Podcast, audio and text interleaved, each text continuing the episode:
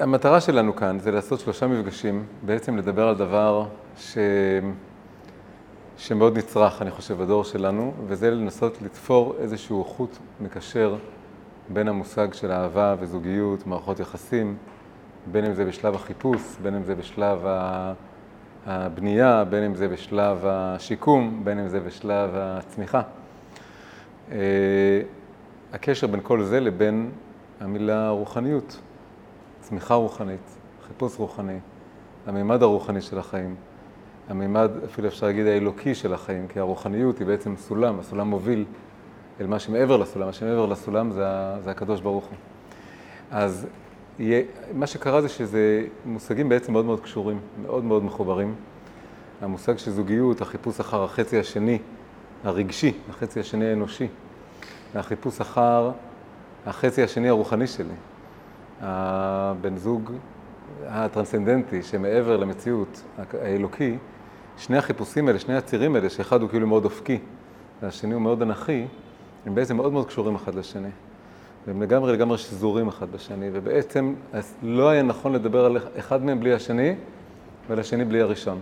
אבל זה לא העולם שאנחנו חיים בו, אנחנו חיים בעולם שמאוד מאוד הפריד והבדיל בין שני הצירים האלה של החיים, והרבה אנשים מחפשים זוגיות, או עובדים על הזוגיות, הזוגיות שיש להם, אבל הם לא מרגישים שזה בהכרח קשור או מתחבר אה, עם, עם הצד של איפה אני ביחס למה שמעליי, האמונה שלי, בכלל אמונה זה דבר מאוד אישי, מאוד פרטי, ונראה שלא מתערבב, וגם להפך, אנשים אומרים, יש לי אולי, אני מאוד רוחני, אני מאוד, יש לי קשר עם הקדוש ברוך הוא, אני עובד את השם, אני לא עובד את השם, אני, יש לי חיבור אחר אליו, אבל הם לא מרגישים שזה בהכרח קשור לקשר הזוגי, ויש אפילו הרבה תפיסות בעולם, מסורות רוחניות בעולם, שמפרידות את זה עוד יותר, הרבה יותר מזה, שאומרות שמי שרוצה להיות קדוש ורוחני ונשגב, והוא רוצה להיות, להתמסר לקדושה ולהתעלות רוחנית, הוא בעצם צריך להתרחק מזוגיות.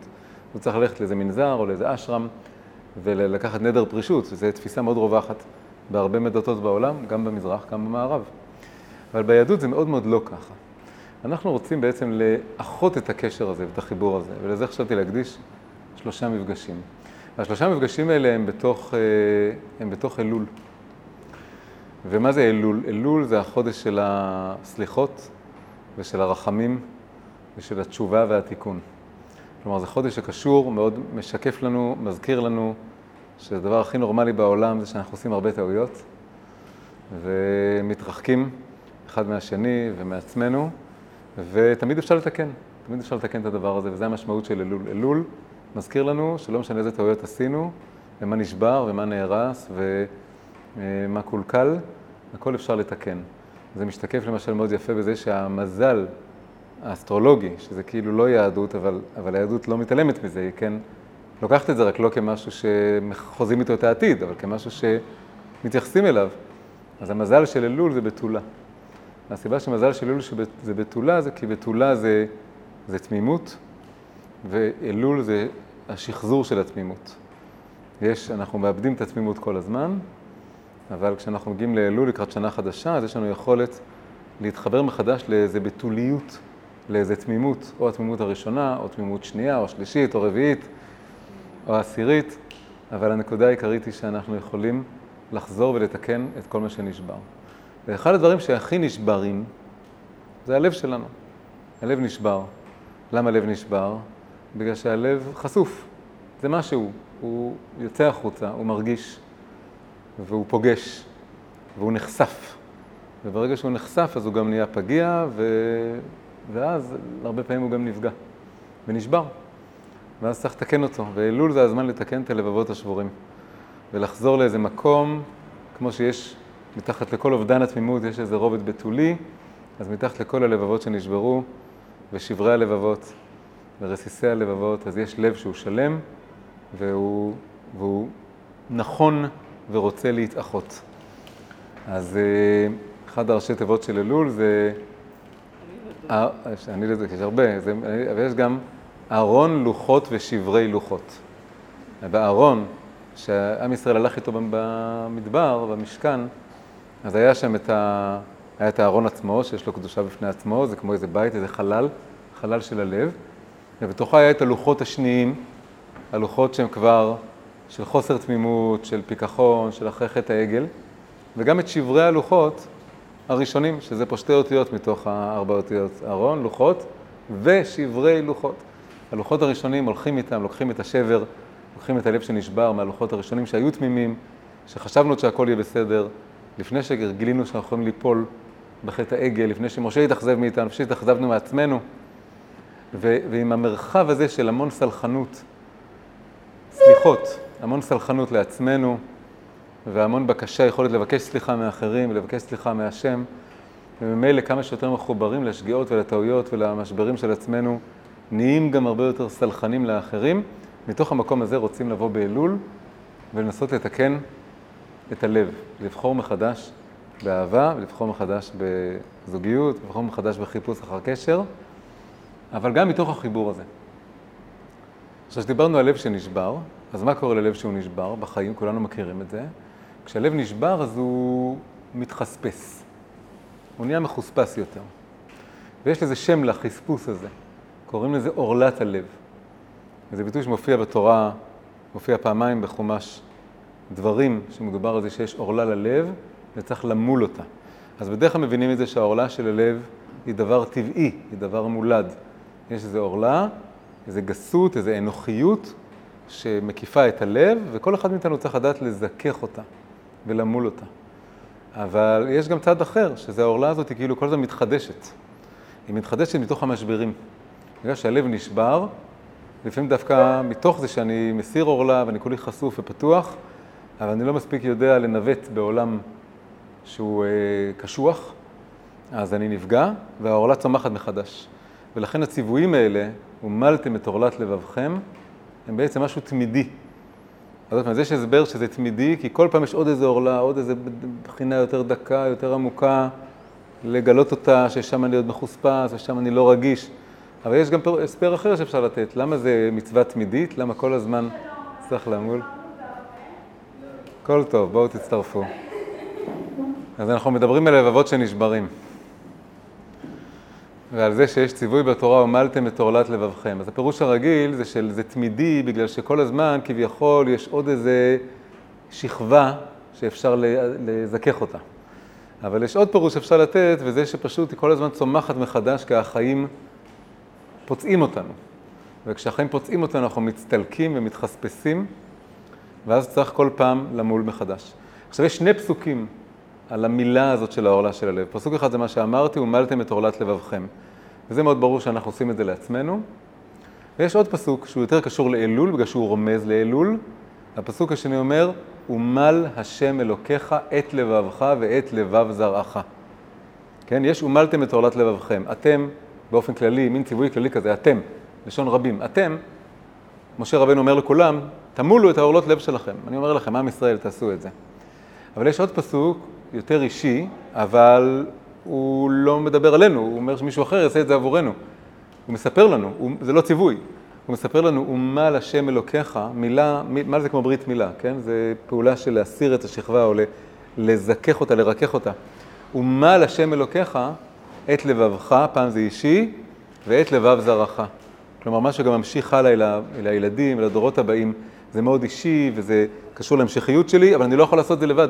אני צריך שהשם יעזור לי בזה. וזה רומז לאלול, למה? כי יש פה באמצע את ראשי תיבות אלול. את לבבך ואת לבב זרעך, אז יש פה את הראשי תיבות אלול, זה אחד הרמזים של אלול. אז, אז זה כבר איזשהו קשר ראשון שאנחנו רואים בין חודש אלול, שזה חודש של לשוב להשם, ולבקש סליחה, ולעשות תשובה, ולהתכנס לשנה החדשה, לבין הנושא הזה של לב שבור, ולב שמתחספס, ולב שצריך ל, ל, ל, להתקן. עכשיו גם פה יש הסבר מוכר לשני פסוקים האלה והסבר שעכשיו אני רוצה להגיד אותו.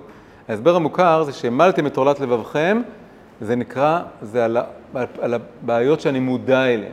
יש דברים שאני יודע שאני לא בסדר, אני יכול לתקן. אחרי זה יש את הדברים שאני לא מודע אליהם, זה נקרא העורלות הדקות יותר. אז שם אני לא יודע, אני לא יודע מה הבעיה בכלל, אני חייב שהשם יעזור לי, אתה, שהוא ימול, הוא יתקן אותי. אבל אפשר גם לפרש עוד פעם, אחר, לפי השיטה שלנו, אחר, להגיד שפשוט יש את הדברים שאני יכול לתקן, את הדברים שקל לי לתקן. ויש דברים שזה לא שאני לא מודע אליהם, אני מאוד מודע אליהם, פשוט זה כל כך נהיה מחוספס, זה כל כך נהיה קשה. הלב שלי כל כך נשבר, אני כל כך לא מאמין שאני יכול לצאת מזה, שאני חייב דווקא את העזרה מהקדוש ברוך הוא. לפי הפירוש הראשון, זה כאילו הפגמים היותר דקים ונסתרים. לפי הפירוש השני, זה דווקא הפוך, זה הדברים שאני הכי חווה אותם, הכי סובל מהם. אני לא מאמין שאני יכול לחזור להיות תמים, ויכול לחזור להיות בקשר של אהבה, ויכול למצוא אהבה. אני פשוט חייב איזו עזרה מלמעלה שתעזור לי להתגבר על המחסום הזה. אז אלול קשור למשברים, וקשור ללב שנשבר, וקשור לתיקון של לב שנשבר. אני רק, לטובת מי שנכנס, אני מסביר שהכותרת של כל המפגש, מפגשים האלה, שאנחנו רוצים לאחות את הקשר בין שני נושאים ש, שמעניינים את, את רוב האנשים, אבל לא תמיד הם רואים אותם כמחוברים. נושא אחד זה נושא של זוגיות ואהבה, וחיפוש אחר זוגיות ובניית זוגיות, והנושא השני זה הנושא של חיפוש רוחני, עבודה רוחנית. אבל בעצם מה שאני רוצה להגיד פה זה שהם צריכים להיות נורא נורא קשורים אחד לשני. אז ההקדמה הייתה בעצם למה זה קשור לאלול. ועכשיו אנחנו מגיעים ללב העניין. ולב העניין זה למה שני הצירים האלה הם קשורים אחד לשני. למה הם צריכים ללכת ביחד? הרבה דתות, הרבה גישות רוחניות מציגות קדושה ורוחניות כאילו זה ההפך מאהבה זוגית, שזה כאילו דבר ארצי. אבל ביהדות זה נורא נורא הולך ביחד. זה הולך, הולך ביחד בכל מיני צורות. אפשר להגיד שהצורה הכי הכי חזקה, הכי פשוטה, היא שהדבר הראשון שהקדוש ברוך הוא אומר לאדם, אחרי שהוא בורא אותו ושם אותו בגן עדן, אומר לו לעבדה ולשמרה, אבל אחרי זה הוא אומר לו, לא טוב היות האדם לבדו, אעשה לו עזר כנגדו. אפשר להגיד, דבר שככה התחדש לי היום כשחשבתי על זה, שזה לא האדם אומר את זה בעצמו. לא בטוח שאדם מרגיש בודד. יכול להיות שהוא לא יודע שהוא בודד, יכול להיות שהוא לא יודע שלא טוב לו להיות לבד. אבל השם אומר את זה בשבילו, ובאיזשהו מקום אפשר להסתכל על הפסוק הזה, שהשם אומר לאדם, לא טוב להיות האדם לבדו, אעשה לו עזר כנגדו, בעצם הקדוש ברוך הוא מספר לנו משהו על עצמו. הוא מספר לנו מה הוא הרגיש לפני שהוא ברא את העולם. אפשר להגיד מין פירוש כזה, זה נורא מתבקש, כשחושבים על זה פתאום, קוראים את הפסוק הזה כל שנה, כל החיים, כל הזמן, אבל אפשר פתאום להגיד, למה, מאיפה השם יודע, למה השם אומר, טוב, יודע, יודע הכל. אבל אפשר, אם אנחנו מצד אחד, הרמב"ם נורא לימד אותנו לא להעניש את הקדוש ברוך הוא. כאילו להגיד לא, כל האנשה, כל הדימויים האלה שהוא מרגיש, והוא חושב, והוא מתגעגע, והוא, והוא כועס, וזה הכל משלים, הוא בעצם נורא נורא מופשט ואין לו רגשות. אבל המון מפרשים אחרים אמרו לרמב"ם, סליחה, מה רמב"ם, אתה הפילוסוף, אנחנו מאוד מכבדים אותך, אבל אני קורא, אני יהודי פשוט, אני קורא את התנ"ך, ואני רואה שהקדוש ברוך הוא, הוא נורא נורא, הוא גם אלוקי והוא גם אנושי, הוא לא, הוא לא, הוא לא מעל האנושי במובן שזה זר לו ומוזר לו, הוא מעל האנושי במובן שהוא הרבה יותר מהאנושי. אבל זה לא אומר שאין לו את כל הדברים האלה, והפשט הוא שהוא, שהוא כן, הוא מרגיש, הוא כועס, הוא שמח, הוא, יש את הדברים האלה. אז, אז אם הולכים לכיוון הזה, והמקובלים והחסידים, ואנחנו לומדים פה חסידות, כן, זה, ה, זה הז'אנר פה, אז uh, החסידים שבאים מתוך המקובלים, הם, זה הכיוון שהם אומרים, פעם, יש הרבה כבוד לרמב"ם, ויש הרבה הערכה, וזה גם מאוד חשוב, הרמב"ם באיזשהו מקום זיכך אותנו מאולי לחשוב בצורה יותר מדי מהענישה. אבל זה לא אומר שאין מקום להענשה הזאת. אז אם הולכים קצת עם ההענשה הזאת, אז כשהקדוש ברוך הוא אומר לאדם, לא טוב להיות האדם לבדו, הוא בעצם משתף קצת איך הוא הרגיש לפני שהוא ברא את העולם, כשהוא היה לבד. הוא היה חסר, הוא היה מושלם, אבל בגלל שהוא היה מושלם הוא היה חסר. מה הוא היה חסר? הוא היה חסר את חוויית החיסרון. זה הסבר, אחד ההסברים הכי מפורסמים לשאלה שאין עליה תשובה, למה השם ברא את העולם. אחת התשובות שבכל זאת מציעים, זה שכשאתה מושלם, אז ממילא חסר לך חוויית החיסרון. והחיסרון זה ההתגעגעות והכמיהה וההזדקקות למישהו אחר, שישלים אותך, שיפתיע אותך, שיזדקק לך. ולכן הוא ברא את העולם. אז הוא בעצם אומר לאדם הראשון, אני הייתי במקום שלך. אני הייתי לבד, אין סוף שנים, מעל הזמן, מחוץ לזמן, לפני שבראתי את העולם. אני עדיין לבד במקום הזה שמעל העולם, וזה לא טוב, זו הסיבה שבראתי את העולם. ועכשיו אתה משחזר את החוויה שלי לפני בריאת העולם.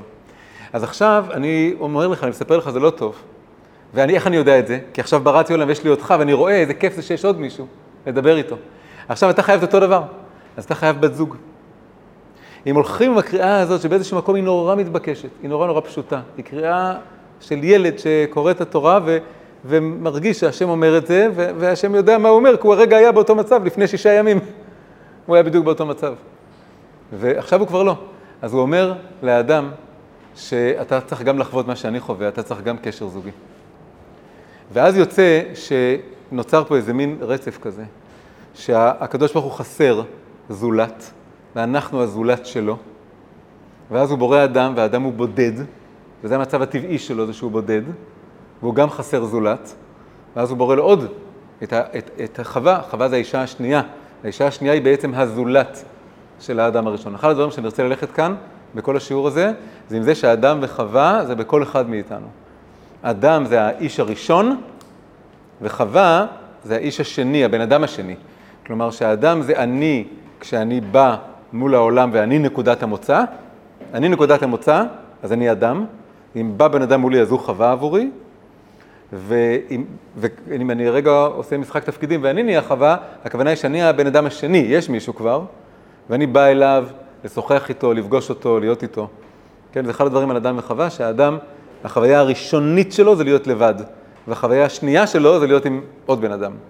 חווה, החוויה הראשונית שלה זה שהיא באה לגן עדן וכבר יש שם מישהו. אז היא מתחילה את החיים באינטראקציה, בזוגיות. אין כזה דבר להיות לבד. אחרי זה אולי גם לומדת איך להיות לבד. הוא מלמד אותה איך להיות לבד, היא מלמדת אותו איך להיות ביחד. וכולנו, יש בתוכנו את שני הדברים האלה. אז זה הדבר הכי הכי ראשוני שאפשר להגיד, שרואים פה שהשם היה בודד והשם ברא את בני האדם, אז אנחנו הבן זוג שלו. ואז גם לנו צריכים למצוא זוגיות, וככה אנחנו סוגרים איזה מין משולש, והמשולש הזה הוא מאוד מאוד מהותי. אדם וחווה ביחד זה צלם אלוקים, כלומר שכשהם נפגשים ומתחברים, זה לא רק איש ואישה, שהם כבר לא בודדים, והם עכשיו, יש להם עוד מישהו, אלא זה אומר שהם אה, ביחד משקפים משהו יותר גבוה מהם, שזה נקרא הקדוש ברוך הוא. ואחרי זה זה גם חוזר בתנ"ך ובמקורות היהודיים בלי סוף, שהקשר בין עם ישראל והקדוש ברוך הוא ממשילים את זה לקשר בין בעל ואישה, וברית המילה, הברית שעושים בין בני האדם בעצם לבין הקדוש ברוך הוא, זה נמצא מכל המקומות בעולם, זה לא באוזן, זה לא הגיל בגבה, זה לא אה, איזה קעקוע בעקב, זה באיבר הברית, מה שנקרא איבר של הזיווג והחיבור בין גבר ואישה.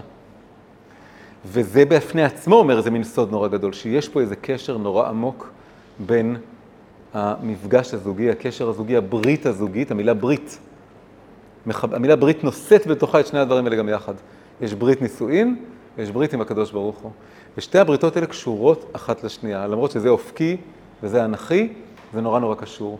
אני באיזשהו מקום לא יודע מה זה לפגוש את הקדוש ברוך הוא, אם אני לא יודע מה זה להיות בקשר עם בת זוג. זה נהיה הכל מדומיין, אם אני לא יודע לבנות קשר עם בן אדם רציני, עמוק, מתמיד, שאני לא גם בורח לשום מקום, עקבי, עם מחויבות, ברית, עם בן אדם אחר, אז כל הדיבורים שלי על מה זה הקדוש ברוך הוא וכל התפילות, זה באיזשהו מקום נשאר איזה מין טיוטה, איזה מין אה, תיאוריה, איזה מין חזרה גנרלית, כי זה לא יורד למבחן, וגם הפוך. שהקשר שה, הזוגי הוא לא לגמרי שלם אם אין פה איזו הכרה בזה שיש איזה מימד אלוקי בך ומימד אלוקי בי, ואיזה משהו אלוקי רוחני שעוטף אותנו, שהוא יותר גדול משנינו. מה שנקרא עוד מקור ביהדות שנורא מחבר את זה, איש ואישה זכו שכינה ביניהם. לא רק אהבה ביניהם, שכינה ביניהם. אז הקשר הזוגי והמימד הרוחני הם נורא נורא מחוברים זה לזה. רק שבעולם שלנו הם נפרדו, הם התנתקו. אפשר להגיד שיש איזה קשר נורא עמוק בין מונותאיזם, האמונה ב, ב, באלוהים אחד, מה שהיהדות מאוד, הבשורה הגדולה, כן, החידוש הגדול של היהדות לעולם, התרומה של היהדות לעולם, שאחרי זה באו עוד דתות מונותאיסטיות, יש קשר בין מונותאיזם למונוגמיה, קשר עם בן אדם אחד. וככל שהמונותאיזם, האמונה בהשם אחד, נחלשה והתפרקה מאלף סיבות, שחלקן גם מאוד מאוד טובות, אבל זה התפרק ונחלש וזה נהיה העולם שאנחנו מכירים היום, אבל יחד עם ההיחלשות הזאת, שיש קשר עם, עם משהו אחד שהוא מעבר להכל, זה גם מאוד מאוד החליש את ההרגשה, את החוויה, שזה פשוט לגמרי שצריך למצוא בן אדם אחד, ואיתו לבנות קשר אחד, קשר של העמקה, זה נחלש. אז כמו שהמונותאיזם והמונוגמיה הולכים ביחד, זה שהמונוגמיה, מה התחלפה? היא התחלפה היום בפולי. גמיה, או פולי אמוריה, או פולי פוליזוגיות, אחד אחרי השני או אחד מקביל לשני, וזה הולך לסוג של פוליתאיזם בעצם. פוליתאיזם זה אלילות, עבודת אלילים, פוליתאיזם שיש כמה אלים, כן? וה, ובאיזשהו מקום זה הולך ביחד. מה היה בעצם הטענה של היהדות מול האלילות? למה היהדות כל כך התעקשה שלא נכון לעבוד אלילים, שצריך, כל האלילים האלה והפסלים האלה, זה לא נכון. מה הבעיה? שמישהו יהיה לו איזה פסלון, מה הבעיה? הרבה מקומות במזרח, הם גם, זה לא שהם באמת חושבים שהפסלון זה העניין, הם ברור להם שזה רק איזה חלק ממשהו הרבה יותר גדול ואחד, ו... אז למה בכל זאת היהדות נורא נורא מתעקשת לא להשתעבד או לא להתמסר לפסלים כאלה? בגלל שבעצם, בעצם, בעומק כל העניין, ההבנה הייתה שאם אתה מתפזר על פסלים וצלמים ופרצופים כאלה, אתה לא באמת יוצא מעצמך. כל אחד מהם הוא איזה מין, כמו, כמו ילד שמשחק בבובה. זה איזה מין מראה, זה מה שמשרת איזה משהו אצלך. זה אליל לפרנסה, וזה אליל למזג אוויר טוב, וזה אליל לשמירה וכן הלאה. וזה הכל מה שאתה צריך. וגם הקדוש ברוך הוא אנחנו מתפללים אליו וכל הצרכים שלנו, זה בסדר. אבל המהות של הדבר הזה, והסיבה שאין לו פנים, זה שבאמת נצא מעצמנו. שזה לא יהיה כל מיני דברים שמשרתים איזה משהו אצלי. אבל ככל שהדבר הזה הלך ונחלש והתפרק, אז לא חזרנו לאלילות, כן? אנחנו לא היום הולכים ועובדים אלילים ופסלים, אבל באיזשהו מקום זה חזר. זה חזר במובן שהחוויה הזאת שיש איזה מוקד אחד נשגב מעבר להכל, ואני רוצה שכל החוטים של החיים שלי יהיו מקושרים לנקודה הזאת, והיא תאחד את הכל, והיא תהיה נקודה שממרכזת את הכל, ואיתה סביבה אני בונה את החיים שלי, והיא מחוצה לי, היא לא אני, זה לא האגו שלי, זה הפוך מהאגו, אני צריך כל הזמן להקטין או להחליש את האגו, או למעט אותו, לפנות מקום לדבר המעבר הזה, זה יתפרק לטובת המון המון דברים, אם זה הקריירה והבילויים וה, וה, והבני זוג הרבים. והבני זוג הרבים, הרעיון הזה שהיום נהיה נורא כזה פתאום אופנתי ומדליק של פולי אמוריה, שאנשים רוצים שיהיה להם קשרים פתוחים, והם כמה בני זוג, והם הולכים ובונים תנועה מזה, ומנסים לשכנע עוד ועוד אנשים להצטרף לזה, גם כי צריכים כל הזמן להגדיל את המאגר. אז אה, אה, זה, זה בעצם חזרה למין אלילות כזאת, בגלל שזה חזרה, אני קורא לזה מונו-אמוריה, זה, זה אהבה אחת לבן אדם אחד, שזה אני בעצמי. אני הציר המארגן, אני המרכז, אני פה יום, יום איתה, מחר איתה, מחר עם האחרת, בסוף, בסוף, בסוף אני באמת אוהב רק בן אדם אחד. אני אוהב את המשתנה הקבוע, שלא מתחלף ולא משתנה כאן בתפאורה המתחלפת סביבי. אז בעצם הפולי-אמוריה זה מונו-אמוריה לעצמך, זה, זה שורש אלילות בדיוק. הפולי-אמוריה והפוליתאיזם הולכים לגמרי לגמרי ביחד. זה, זה, זה אחת הגרסאות המודרניות של מה זה, מה זה אלילות, איך האלילות חזרה לעולם. אז, אה, אז זה, כל זה רק ממחיש עד כמה צריך לשקם את הקשר בין, אה, את המילה הזאת ברית, עם שני המובנים שלה. של אם אני מחבר את שני הדברים האלה מחדש, אז ברור לי למשל שזוגיות, קודם כל זה לא רק מה שקוראים באנגלית companionship, זה לא רק שיהיה לי מישהו להיות איתו, וזה לא רק שיהיה לי מישהו לתת לו, וזה לא רק מישהו להקים איתו משפחה, קורה פה איזה משהו, נקרא לזה, הוא יותר מונומנטלי. אנחנו ביחד יוצרים צלם אלוקים. אנחנו ביחד אה, משחזרים אה, איזה דמות פה בעולם שהיא מעבר לי ומעבר לבן זוג שלי, זה משהו מעבר לשנינו שאנחנו משקפים אותו כאן. זה גם נהיה, מתחיל להזכיר לנו, להחזיר לנו למה המילה המפחידה, נצח, נצחיות, שהיא באמת מילה מפחידה, כי אנחנו לא חיים לנצח, אבל, אבל, אבל כן אפשר לשאוף אל הנצח. לשאוף אל הנצח זה לשאוף למשהו תמידי, שהוא לא לחיות רק מרגע לרגע, ומיום ליום ומשעה לשעה, אלא לחשוב רחוק. זה כל כך נחלש, זה כל כך נהיה מין דבר כזה ש, שבו נתחיל ממשהו שהוא מתאים ל, ליום הקרוב, ליומיים הקרובים, לשבוע הקרוב, לשבועיים הקרובים, אבל uh, היכולת לחשוב לטווח רחוק, לחפש את זה, להחזיר את זה ללקסיקון. אז אם זה מפחיד אותי, אז אני יכול להרגיע את עצמי ולהגיד לעצמי שבאמת אני לא יודע הכל, ואני לא, אני רק לומד ואני גודל, אבל שזה יהיה לי ברקע, שזה יהיה לי באופק. שאני מחפשים בן אדם אחד ורוצים לבנות איתו משהו. וה... ובקיצור, שיש מימד רוחני לזוגיות. מימד רוחני, מימד מיסטי, מימד קדוש, מימד דתי, איך שלא נקרא לזה, לזוגיות, לחבר את שני הדברים האלה ביחד. עכשיו, חשבתי שנעשה את זה ככה. הסתכלתי ככה, אני, איך, אני, איך אני מכין שיעורים כאלה? אני ממלכה את עצמי עם איזה כותרת, ואז אני צריך לשבור את הראש לראות איך, מה אני עושה עם הכותרת ש... כן? שתקעתי לעצמי. אז הכותרת הייתה על אה, זוגיות ורוחניות. אה, ואז מאוד ככה ניסיתי להסתכל, ואז בא לי איזה מין מבנה כזה, ואני חושב שהוא מאוד, מאוד טוב, כאילו זה גם מתחלק לש, לשלושה חלקים, ותמיד טוב לחלק דברים לשלוש, וזה ככה עוזר גם לזכור את השיעור ולחזור עליו לעצמך. זה שלושה ממדים או שלושה צדדים של החיבור הזה בין זוגיות ורוחניות. אז, אז עכשיו אנחנו נשחק, אנחנו נהיה אדם, ואז אנחנו נהיה חווה, ואז אנחנו נהיה אדם וחווה ביחד. ובכל אחד מהם יש לו עבודה אחרת לעשות. אז בתור אדם, המטרה, הרי אני מזכיר רגע את המבנה, המבנה היה שאדם, אז זה כבר לא גבר ואישה עכשיו, אדם זה האיש הראשון, הבודד, שעכשיו צריך למצוא בת זוג, וחווה זה כבר הבן אדם השני, כן?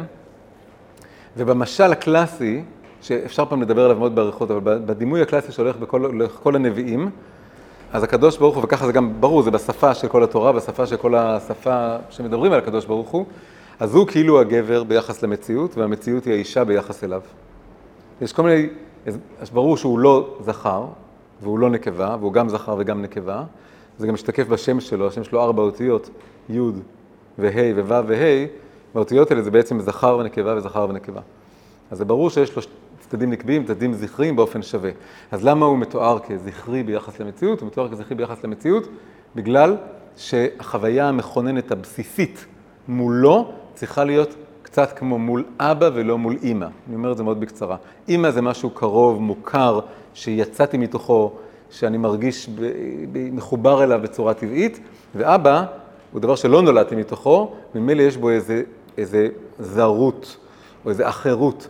והקשר הראשוני שרוצים ליצור עם הקדוש ברוך הוא זה שהוא קודם כל אתה לא יודע מהו, הוא קודם כל משהו נקרא טרנסצנדנטי ולא אימננטי. טרנסצנדנטי זה משהו שכמו, יחסית כמו אבא. אז החוויה, השפה הבסיסית שלנו זה בראשית ברא אלוקים בלשון זכר וכן הלאה, ברוך אתה וכולי וכולי. אבל כשאתה יותר מעמיק בזה, אז בעצם מבינים שהוא גם נקבי. יש לו, יש הקדוש ברוך הוא ויש השכינה, שני הצדדים של האלוקות. אז גם כאן, בציור שלנו, היה את הקדוש ברוך הוא, בורא את אדם, והאדם עכשיו הוא כאילו קצת מייצג אותו, כי הוא הרי משחזר את הבדידות שלו, ואת החוויה שיש לו בת זוג, ואז נוצרת חווה. אז עכשיו, עכשיו אני אסביר עוד פעם, אז מה זה שלושת הדברים? אז להיות אדם, הכוונה היא ש, שאני, ביחס לבת זוג שלי, אני צריך קצת להיות בעמדה של הקדוש ברוך הוא. אני צריך להתקרב אליו, להיות דומה לו ולהסתכל על בן זוג שלי קצת מנקודת המבט של הקדוש ברוך הוא. אני עכשיו משחזר, לפי הרעיון שאמרנו מקודם, שהקדוש ברוך הוא בורא את האדם ומשתף אותו בחוויית הבדידות שלו, ובורא לו בת זוג כדי שהוא ירגיש איך זה, איך זה שיש לך עולם ואתה לא לבד, אז עכשיו מה שאני רוצה פה לעשות, שבזוגיות יש צד שאני הקדוש ברוך הוא ביחס לבן זוג שלי. אני קצת נותן לו חיים, אני קצת בורא אותו, קצת מקיים אותו, מברך אותו, ואני אה, אני שם בשבילו. יש צד כזה. אני צריך להיות קצת הקדוש ברוך הוא ביחס אליו. תכף נפתח את זה, רגע, תכף נפתח את זה. הצד השני זה חווה. חווה ביחס לאדם, נקודת מבט ההפוכה, וזאת אומרת, זה כל אחד מאיתנו, זה שאני מתייחס לבן זוג שלי קצת כאילו, הוא כאילו קצת הקדוש ברוך הוא. כאילו הוא קצת השם, יש בו משהו אלוקי, משהו שמימי, משהו נשגב, משהו שאני לא מבין אותו, משהו מעליי. יש צד כזה. עכשיו, זה הכל אני. אז אני מצד אחד, אני קצת צריך לחשוב איך, אם הייתי הקדוש ברוך הוא, איך הייתי מתייחס לבן זוג שלי, ואני קצת צריך לחשוב איך אני מתייחס לבן זוג, נגיד שהבן זוג שלי הוא, הוא כרגע, הוא, הוא הקדוש ברוך הוא. הקדוש ברוך הוא ברא אותו, שם אותו מולי, והוא אומר לי את מה שהוא אומר לי. הדברים הטובים, הרעים, איך אני מגיב על זה? שני צדדים, שאני צריך לתרגל את שניהם. והמימד השלישי זה ששנינו ביחד עכשיו אנחנו זוג, בני אדם, אף אחד לא הקדוש ברוך הוא, שנינו רק בני אדם, המצב הרגיל. מה זה אומר שיש את הקדוש ברוך הוא מעלינו? שאנחנו מצרפים אותו לזוגיות באיזשהו אופן. מצרפים את המימד הרוחני לזוגיות שלנו. זה שלושת הצדדים.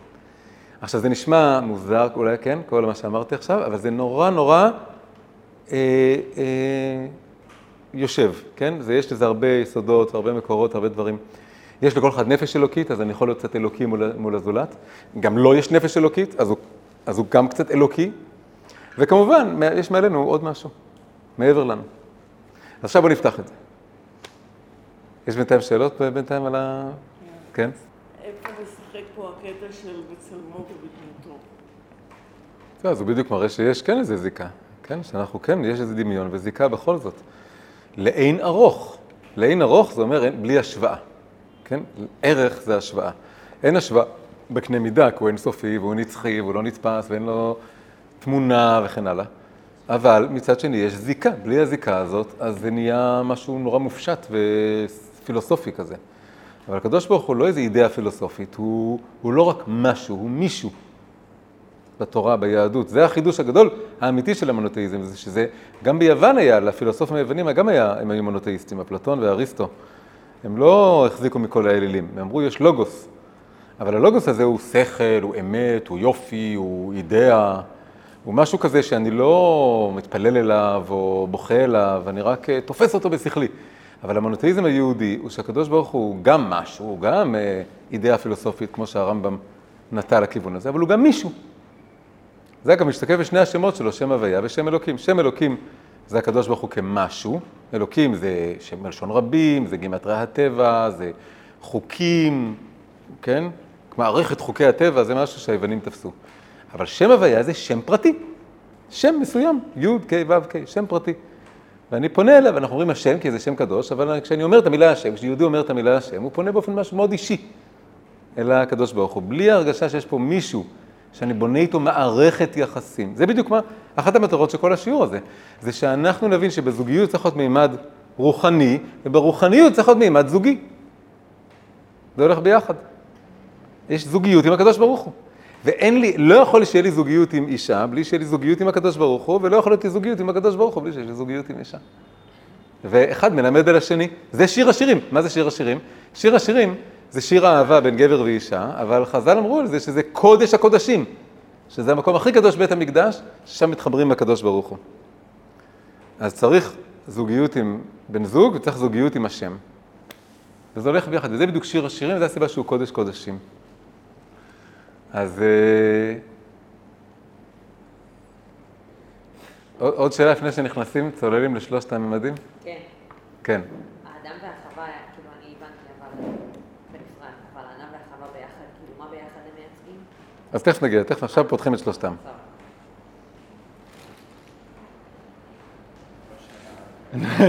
מעולה, מעולה. תעביר, תעביר לאגף ההוא. בסדר. אז אנחנו מתחילים מממד הראשון. הממד הראשון זה שאני עכשיו אדם.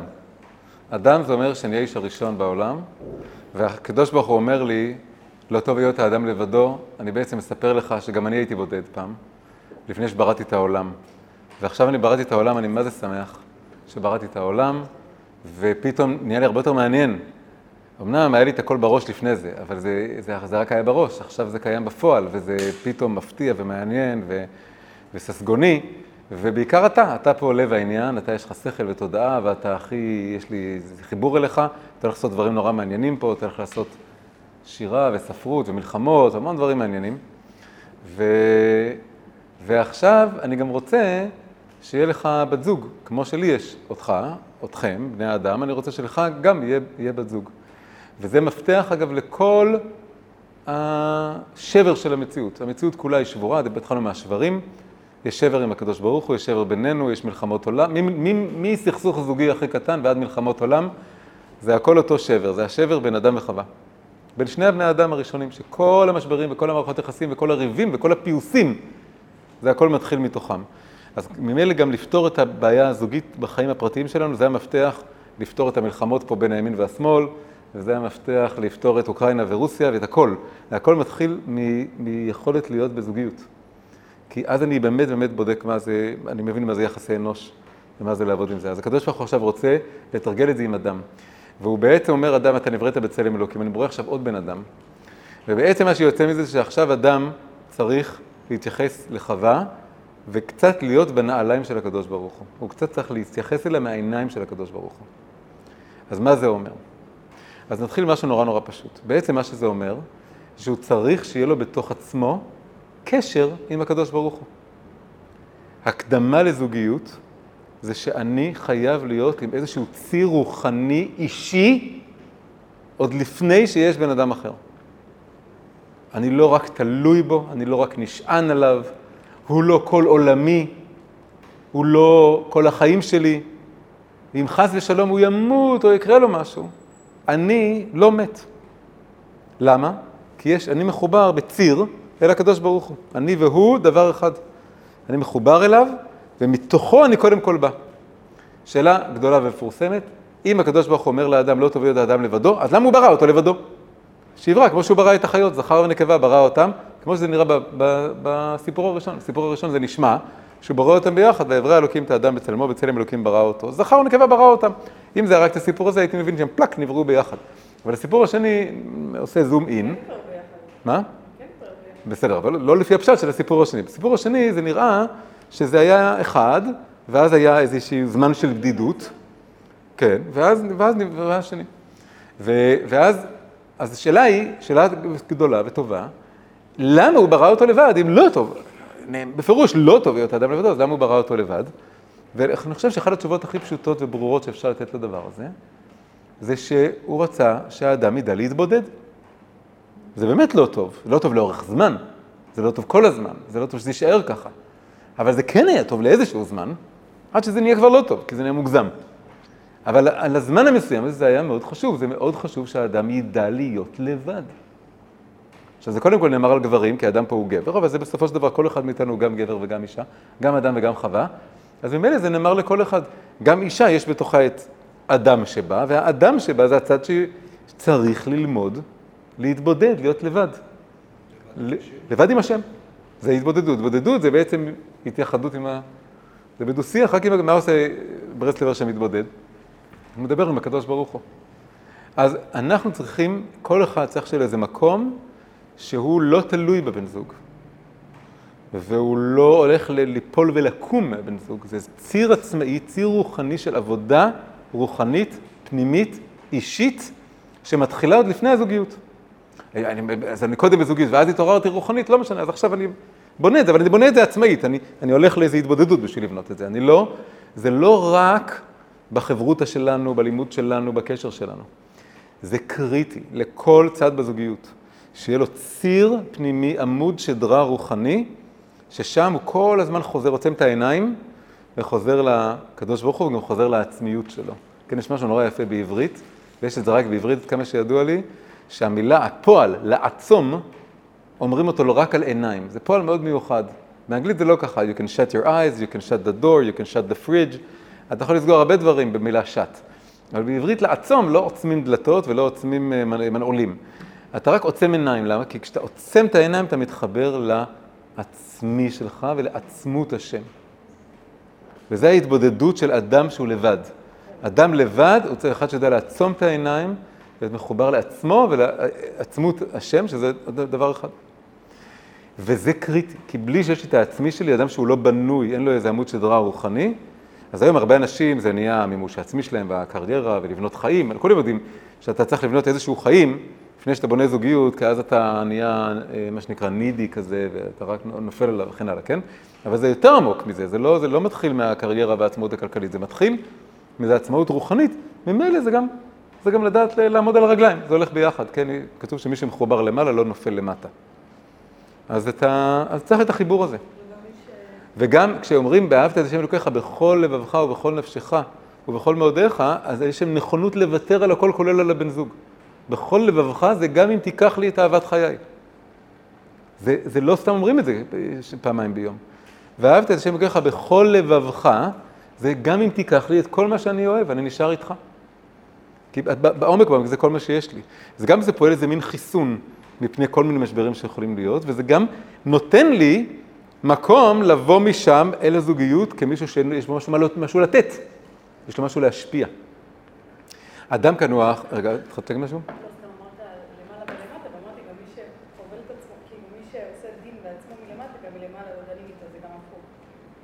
כן, כן, נכון. אז עכשיו, הדמות הזאת, פה אמרנו, זה דווקא איזה דמות של אדם, זה דמות של חתן. חתן, יש הסבר שהמילה חתן זה אותן אותיות של נחת, כן? נחת זה אחד שיורד. כתוב בגמרא שגבר צריך להתחתן, אז אומרים לו נכות דרגה, תנחות, תרד, תרד למציאות, ואז אתה יכול להתחתן עם אישה. אם אתה מרחף, אתה נשאר באיזה מקום אוורירי, ארטילאי כזה, אתה לא יכול להתחתן. העבודה של החתן, של הגבר, וזה עוד פעם, זה גם לאישה, מצד האדם שבה, הגבר שבה, זה שמהמקום האלוקי הרוחני הזה אני צריך לדעת לנחות. לנחות זה לא רק להתקרקע, לנחות זה לרדת אל המציאות או לבוא אל המציאות כמשפיע, כנותן, כמשפיע רוחני. השם ברא את העולם, השם ברא את בני האדם, והוא כל הזמן עסוק בלהשפיע עליהם, בלתת להם אוכל, בלתת לנו אוויר, בלתת לנו אור שמש, וגם בלתת לנו המון המון זמן, המון המון מרחב. מצד אחד רואים שהקדוש ברוך הוא, זה דבר מאוד מעניין, שלאורך ההיסטוריה של העם היהודי רואים שבהתחלה הוא היה נוכח מאוד, הוא התגלה בהר סיני וההר כגיגית, שמסבירים את זה שהר כגיגית זה היה פשוט גילוי של אהבה שאי אפשר לעמוד בפניו. היה גילוי אהבה עצום ואינסופי, שהוא היה כזה מדהים שאי אפשר היה, לא היה באמת כוח בחירה שם. לא בגלל שהוא איים להרוג אותנו, אלא בגלל שלא לא יכולנו לעמוד בה, זה הסבר חסידי למה זה כפה עליהם הר כגיגית. אבל אחרי כל הדבר הזה, הוא לאט לאט לאט לאט נעלם, הוא לאט לאט הולך לרקע, נותן לנו יותר ויותר space. זה מתחיל מזה שיש נבואת, את ההר כגיגית, שזה הוא בעצמו, ואז הוא נעלם ונשאר משה רבנו. אבל משה רבנו הוא נביא שהוא כמעט כמו הקדוש ברוך הוא. ואז משה רבנו הוא נפטר, ואז מגיעים הנביאים האחרים. הנביאים האחרים זה כבר לא אותו דבר. זה פחות, יותר חלש, יותר במילים שלהם. ואז נגמרת הנבואה, פוסקת הנבואה, ומגיע עידן של חכמים. והחכמים זה כבר לגמרי בני אדם, יש להם רוח הקודש, יש להם סברות עמוקות, אבל ולאט לאט גם חז"ל חולפים, אנחנו נשארים פה, והוא נותן לנו המון מרחב. והיום, זה בכלל, הגענו לעולם, הקדוש ברוך הוא גם שלח את החילוניות, זה חלק מה שה... איך הקדוש ברוך הוא מנהל את העולם. הוא שלח את החילוניות, והחילוניות זה ליברליזם. והליברליזם זה שהיום באמת הכל נהיה רק רק מעצמך. אז, אז מה זה מלמד אותנו עכשיו, אם אני אדם מול חווה שלי, ואני רוצה להיות כמו הקדוש ברוך הוא, אני מגלה, לא, למדתי ממנו, שאני צריך מצד אחד להרעיף מלא אהבה, מצד שני לתת מלא מלא מרחב.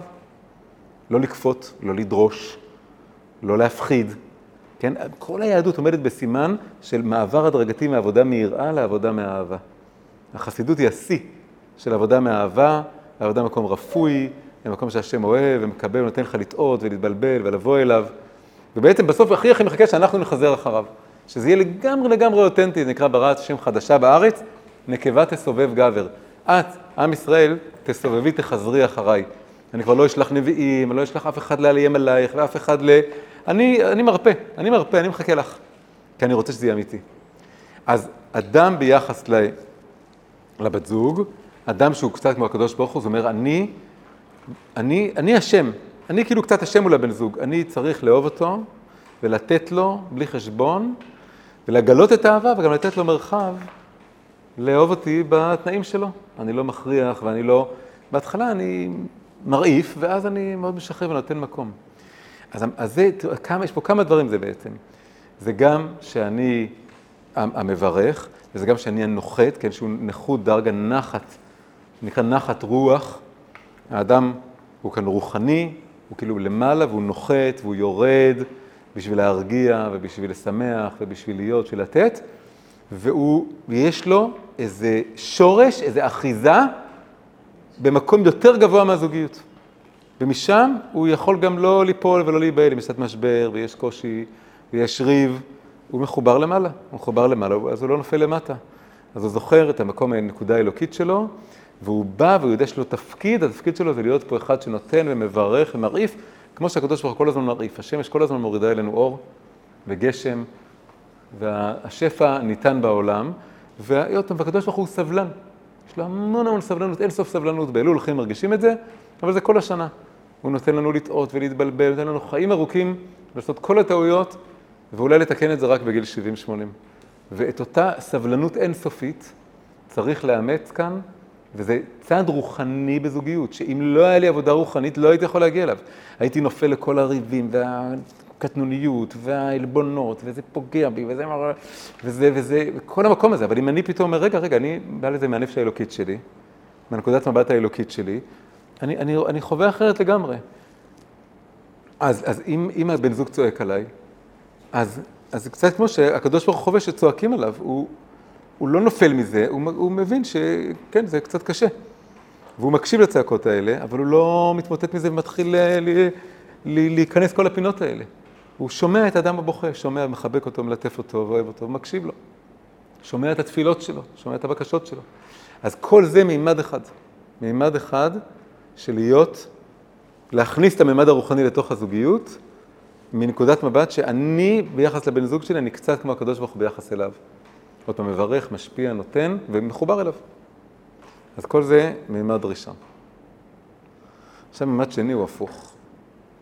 מימד שני הוא הפוך, אבל הוא גם נורא חשוב. עכשיו, כל אחד מהם בפני עצמו הוא לא מספיק. אם, זה, אם הייתי גומר עכשיו את השיעור, אז זה היה נשאר תמונה נורא מעוותת של מה זה זוגיות, כן? שעכשיו, אז גם יכול לעלות לי לראש, ואז אני אהיה אליל בעצמי, כאילו כפי שאני אז, אני אהיה הקדוש ברוך הוא. אז אני פתאום, ואז גם אני, אני יכול, כן, ואני מסתכל עליו מלמעלה, אוי ואבוי, כן? אז צריך לקבל מזה מבחינה, עניין מסוים, עניין שאמרנו. עכשיו הצד השני, עכשיו אני חווה. וחווה היא כבר בקשר עם אדם, והאדם היה שם קודם. והבן זוג, יש לו חיים מלפניי, יש לו מציאות מלפניי, ואני יודע שהוא ברא אותו הקדוש ברוך הוא, הוא צלם אלוקים, הוא בריאה של הקדוש ברוך הוא, יש לו נפש אלוקית לבן זוג. אז אני צריך להתייחס אליו קצת כמו שאני מתייחס לקדוש ברוך הוא. מה הכוונה? הכוונה היא שאני לא מבין אותו עד הסוף, ואני לעולם לא אבין אותו עד הסוף. כמו הקדוש ברוך הוא. הקדוש ברוך הוא, אני בונה קשר איתו, ואני רוצה מערכת יחסים איתו, אבל הוא גם תמיד נשאר חידה אינסופית בלתי מפוענחת. וכך גם בן הזוג. בן הזוג, יש בו משהו אינסופי, יש בו משהו לא נתפס, יש בו משהו לא מובן. יש, יש, יש לו נשמה, נשמה זה דבר אינסופי. ואני במסע תמידי שייקח חיים שלמים להכיר אותו, ולהוקיר אותו, ולהעריך אותו, ולגלות עוד גוון ועוד נימה ועוד צד בבן הזוג, שיפתיע אותי. יש פסוק שאומר, וארסתיך לי לעולם. מה זה הפסוק הזה? וארסתיך לי לעולם, זה סותר את עצמו, אירוסין זה לא לעולם. כל העניין של אירוסין זה שזה זמני, ואז מוביל לנישואין, ונישואין זה נצחי. מה זה וארסתיך לי לעולם? אז אחד ההסברים זה שזה לא נגמר. שגם אחרי שמתחתנים, זה התחתנתי עם רובד אחד של הבן זוג. אבל עכשיו אני צריך, אני רק מתארס, מארס, מקדש את הצד השני של ה... את הצד היותר נסתר, היותר פנימי של הבן זוג. וכל פעם יש עוד איזה רובד יותר פנימי, יותר נסתר, שאותו אני, אני לא מכיר, אני רק מאורס אליו, עוד לא התחתנו. התחתנתי עם מישור שאני מכיר, ויש עוד מישור שעוד לא התחתנו. וזה כל הזמן ממשיך, וזה דורש תודעה שאני קצת ארגיש שבן הזוג שלי הוא קצת כמו הקדוש ברוך הוא עבורי. אם הוא כועס עליי, הקדוש ברוך הוא כועס עליי. אם הוא אוהב אותי, אז הקדוש ברוך הוא אוהב אותי. אם אני לא מבין אותו, זה כיוון שאני לא מבין את השם. זה הולך ביחד, וזה נפלא, זה פותח איזה מין מרחב של גילוי, איזה מין עלייה לרגל כמעט אל בן הזוג, כן? שאני מנסה כל פעם לפענח אותו ולגלות אותו. וגם דרכו מתגלה לי משהו באלוקות. הוא השער שלי, הוא הזולת שלי. הקדוש ברוך הוא הזולת המוחלט של האנושות, והבן זוג הוא הזולת הכי זולת שלי. נכון, יש לי גם אחים ואחיות והורים וילדים ו- וחברים לעבודה ו- וגיסים וכל מיני דברים יש לי, וחברים מהתיכון. אבל, אבל יש לי, אבל הכל הכל מתחיל מלבנות הקשר עם הבן אדם האחד הזה, כי מכל הקשרים האחרים אני כל פעם יכול לברוח לאיזה קשר אחר. כשנהיה לי צפוף עם החבר מהתיכון, אז אני הולך ל, ל, ל, לאחותי וכן הלאה. אבל כשאני, אבל עם הבן זוג, כאילו אי אפשר לברוח, וכשאי אפשר לברוח, אז שם אני ממש צריך לפגוש את עצמי. הוא המראה שלי.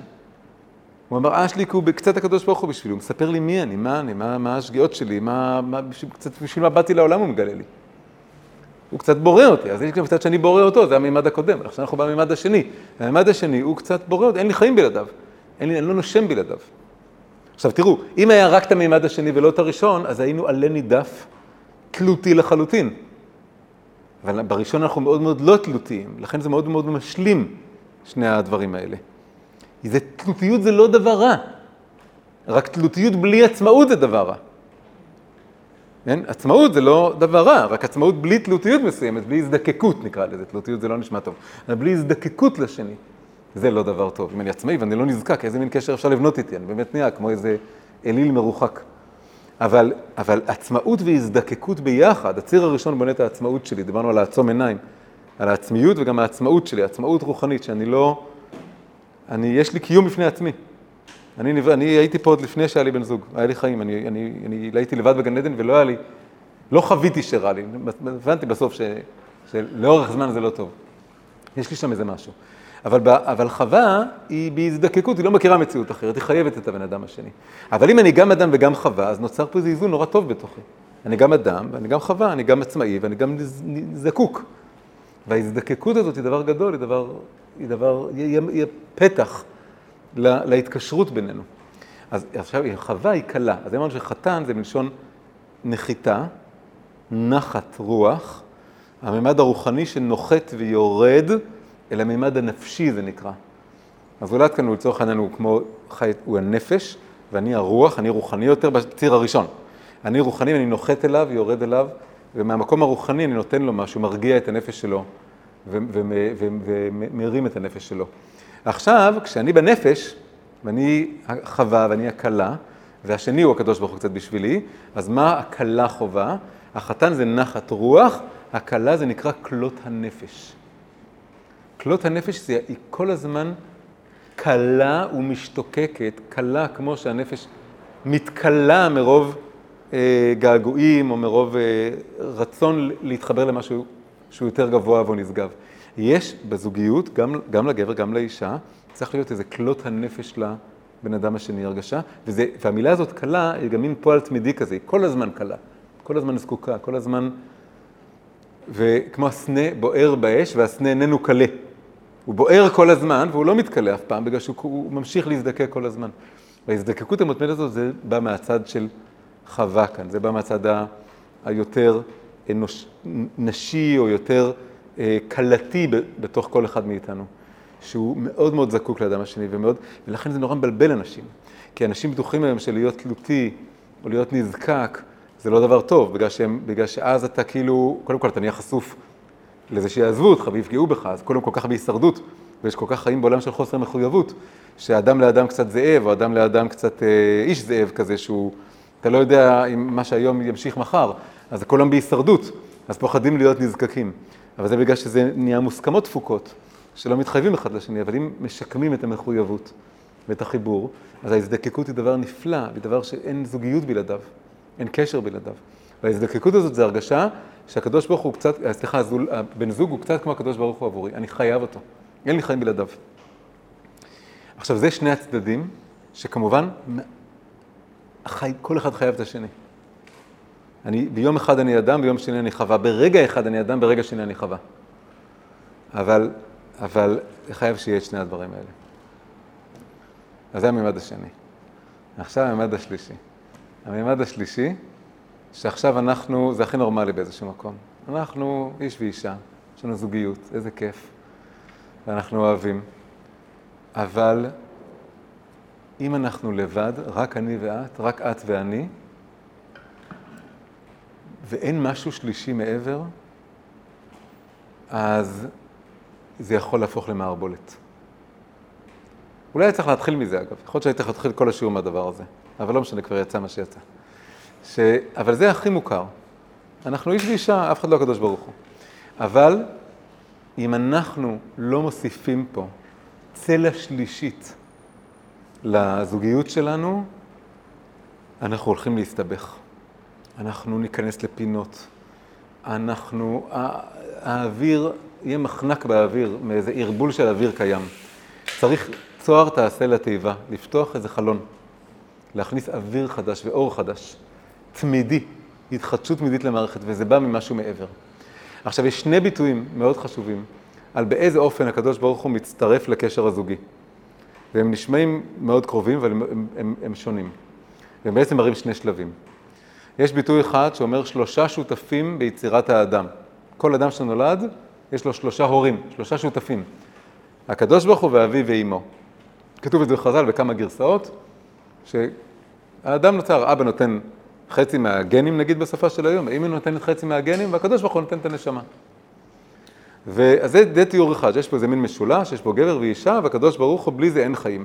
גם אם כאילו גם בטבע, כל זכר ונקבה שמזדווגים, נולד מהם, זה, וגם שם הקדוש ברוך הוא נמצא. הוא ברא את כל הסיפור, הוא נמצא שם, הוא מפעיל את כל המערכת, כל המערכת הזאת, הוא רוח החיה בתוך כל הסיפור, הוא שם, רק שהם לא מודע, במודעות לזה. אנחנו יכולים להיות גם במודעות לכך, שאפילו שזה ביולוגי לגמרי, יש פה איזה פלא אלוקי שעובר דרכנו ומסביבנו, ומשתתף ביצירת הילד המשותף שלנו. אז, אז זה דימוי אחד. שלושה שותפים באדם, הקדוש ברוך הוא ואביו ואמו. מה הדימוי השני? כבר אמרתי את זה, שבזוגיות, שם למרבה העניין אין את הילד, כתוב איש ואישה זכו, שכינה ביניהם. אז קודם כל הביטויים כאן, שבראשון כתוב הקדוש ברוך הוא, בשני כתוב שכינה. ובראשון כתוב שזה שלושה שותפים, שותפות זה משהו מרוחק כזה. ובשני כתוב שכינה ביניהם. ובעצם מה קורה כאן? זה בלשון הקבלה והחסידות, זה נקרא, זה שני סוגים של אור אלוקי. יש אור אלוקי שנקרא אור מקיף, ויש אור אלוקי שנקרא אור פנימי. אור מקיף זה אור שהוא, כשמו כן, הוא מקיף, הוא סובב, הוא שורה מעלינו, ואנחנו חווים אותו ככזה. הוא מקיף, הוא נוגע ואינו נוגע, הוא חופה מעלינו, זה בעצם מתחיל בחופה. זה הקדוש ברוך הוא נקרא דווקא. הקדוש ברוך הוא הוא כמו החופה מעל בני הזוג, הם מתחתנים, הם לא רואים את החופה, היא מעל הראש שלהם, רק הם מרימים את העיניים, רואים אותה. אבל היא נמצאת שם, זה נקרא מקיף, כן? לכן אני לא בדיוק רואה, זה לא בדיוק בשדה הראייה גם. זה נמצא שם למעלה, אני יודע שזה שם, אני מרגיש שזה שם, אני יכול להרים את הראש ולתפוס את זה, וזה כאילו עוטף ומחבק אותם. אז זה קודם כל שלב שבו אנחנו בונים את הקשר הזוגי, אבל אנחנו כל הזמן זוכרים שיש משהו מעלינו שמקיף אותנו ושמכיל את שנינו ביחד ועוטף את שנינו ביחד, וזה מאוד מאוד משנה את האינטראקציה בינינו. כי אם אנחנו מתנהלים רק אני ואתה, ואני ואת, בדבר הזה, ואין איזה משהו שמעניק לנו השראה, שמעניק לנו הכוונה, שרוצים לחיות לאורו, שרוצים להנכיח אותו בבית שלנו, שאנחנו מבינים שאנחנו שותפים למשהו גדול יותר, שאנחנו ביחד, אה, אם נזכה, אז, אז יראו אותנו והוא קצת יותר ייכנס למציאות ויאיר במציאות דרכנו, זה דורש את האמונה וההתקשרות הזאת והחיבור הזאת לאור המקיף הזה. שכינה ביניהם זה כבר אור פנימי. אור פנימי זה אומר שככל ש... מה הביטוי שם? איש ואישה זכו שכינה ביניהם. זכו, הכוונה היא מזככים את עצמם, מעדנים את עצמם. כל אחד מל את העורלה שלו. אני מבקש מהקדוש ברוך הוא למול את העורלה שלו, כמו שני הפסוקים שראינו בהתחלה, ועוברים את הזיכוך הזה והעידון הזה. אז ככל שמזדככים, אז האור המקיף נכנס פנימה ונהיה אור פנימי, והשכינה שוכנת ביניהם ביחד. בעצם הבית נהיה משכן כזה, כן?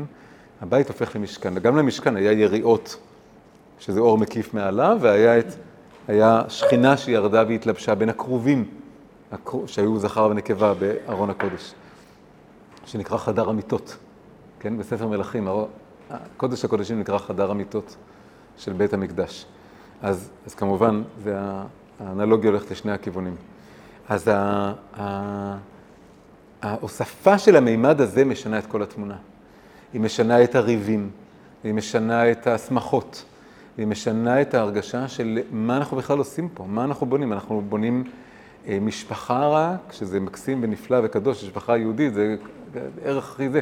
אבל, או שאנחנו גם בונים משכן. בונים משכן זה אומר שאנחנו רוצים שאותו פלא, שקשה לתאר אותו, קשה לדבר עליו, שנקרא הפלא האלוקי, הוא יהיה נוכח בבית שלנו, יהיה איזה מנגינת רקע, יהיה איזה ערך מוסף. שנצליח לבנות פה איזה חלל, שכשמישהו ייכנס, אז לא רק יראה אותי ואותך ואת הילדים, הוא ירגיש שיש פה עוד מישהו, משהו בבית, יש איזו שכינה. יש עוד משהו שוכן פה, אני לא יודע להסביר את זה. כשבאים לזוג שחי חיים של קדושה, אז מרגישים את זה, אי אפשר בדיוק להסביר את זה, ואתה מרגיש שיש פה עוד מישהו בבית, אתה לא יודע בדיוק להסביר את זה. ואני זוכר את זה, שהיה את מי שדרכו התקרבתי ליהדות. וכשבהתחלה עוד לא היה נשוי, הכרתי אותו כסטודנט עם האוניברסיטה, והשיחות איתו פתחו לי את, את, את הכל. ואז הוא התחתן, ואז באתי אליהם הביתה, וזה היה איזה דו-שיח נורא קטנטן ביניהם, שעשה עליי המון רושם. דו-שיח קטן, מאוד קטן ביניהם, אגבי, אני לא יודע אם הם שמו לב לך שאני מקשיב לזה, ושזה עושה עליי רושם. אבל הדו-שיח הקטנטן הזה היה שאני בא, בא להיכנס שבת, וזה היה בתוך שבת, והיא שאלה אותו אם מותר להזיז את התנור, ואז הוא אמר להם, אם... אם כשהדלקת התנור הזה תנט שאפשר להזיז אותו, אז אפשר להזיז אותו. ואם את, אה, אוקיי. ו... עכשיו, הדו-שיח הקטנטן הזה עשה לי המון המון רושם. קודם כל, זה היה לי מוזר לראות זוג שמדברים פתאום הלכה, כן? כי לא הכרתי את זה כל כך. שמדברים פתאום, רגע, זה... תנור, זה חשמל, אבל מותר להזיז, אסור להזיז, כן? והתשובה, הוא אמר לו את התשובה, אמרתי, אה, אוקיי, ואז הזיזו, שלא הזיזו, לא זוכר. אבל, אבל זה היה פתאום ברור שיש כאילו, יש עוד משהו פה. עכשיו, זו דוגמה מאוד uh, מסוימת, כן? יש עוד דוגמאות אחרות, שדוגמאות עוד פחות שאפשר לשים עליהן את האצבע. שאתה פשוט מרגיש שיש, אתה כאילו יוצא מהבית, וחוץ מזה שהיא נחמדה והוא נחמד, והיו שיחות מעניינות בשולחן, אתה מרגיש שכאילו דבק בך עוד איזה, עוד איזה, עוד איזה, עוד איזה אור נדבק לך לאור ולבגד. ו, וזה בעצם קורה, אתה, זה מסע הדרגתי מהקדוש ברוך הוא שהוא שותף שלישי מלמעלה, לשכינה שהיא שוכנת בין בני הזוג, מתוך זה שהם מזדככים, מזככים אחד את השני ועושים את העבודה הזוגית שלהם בעצם.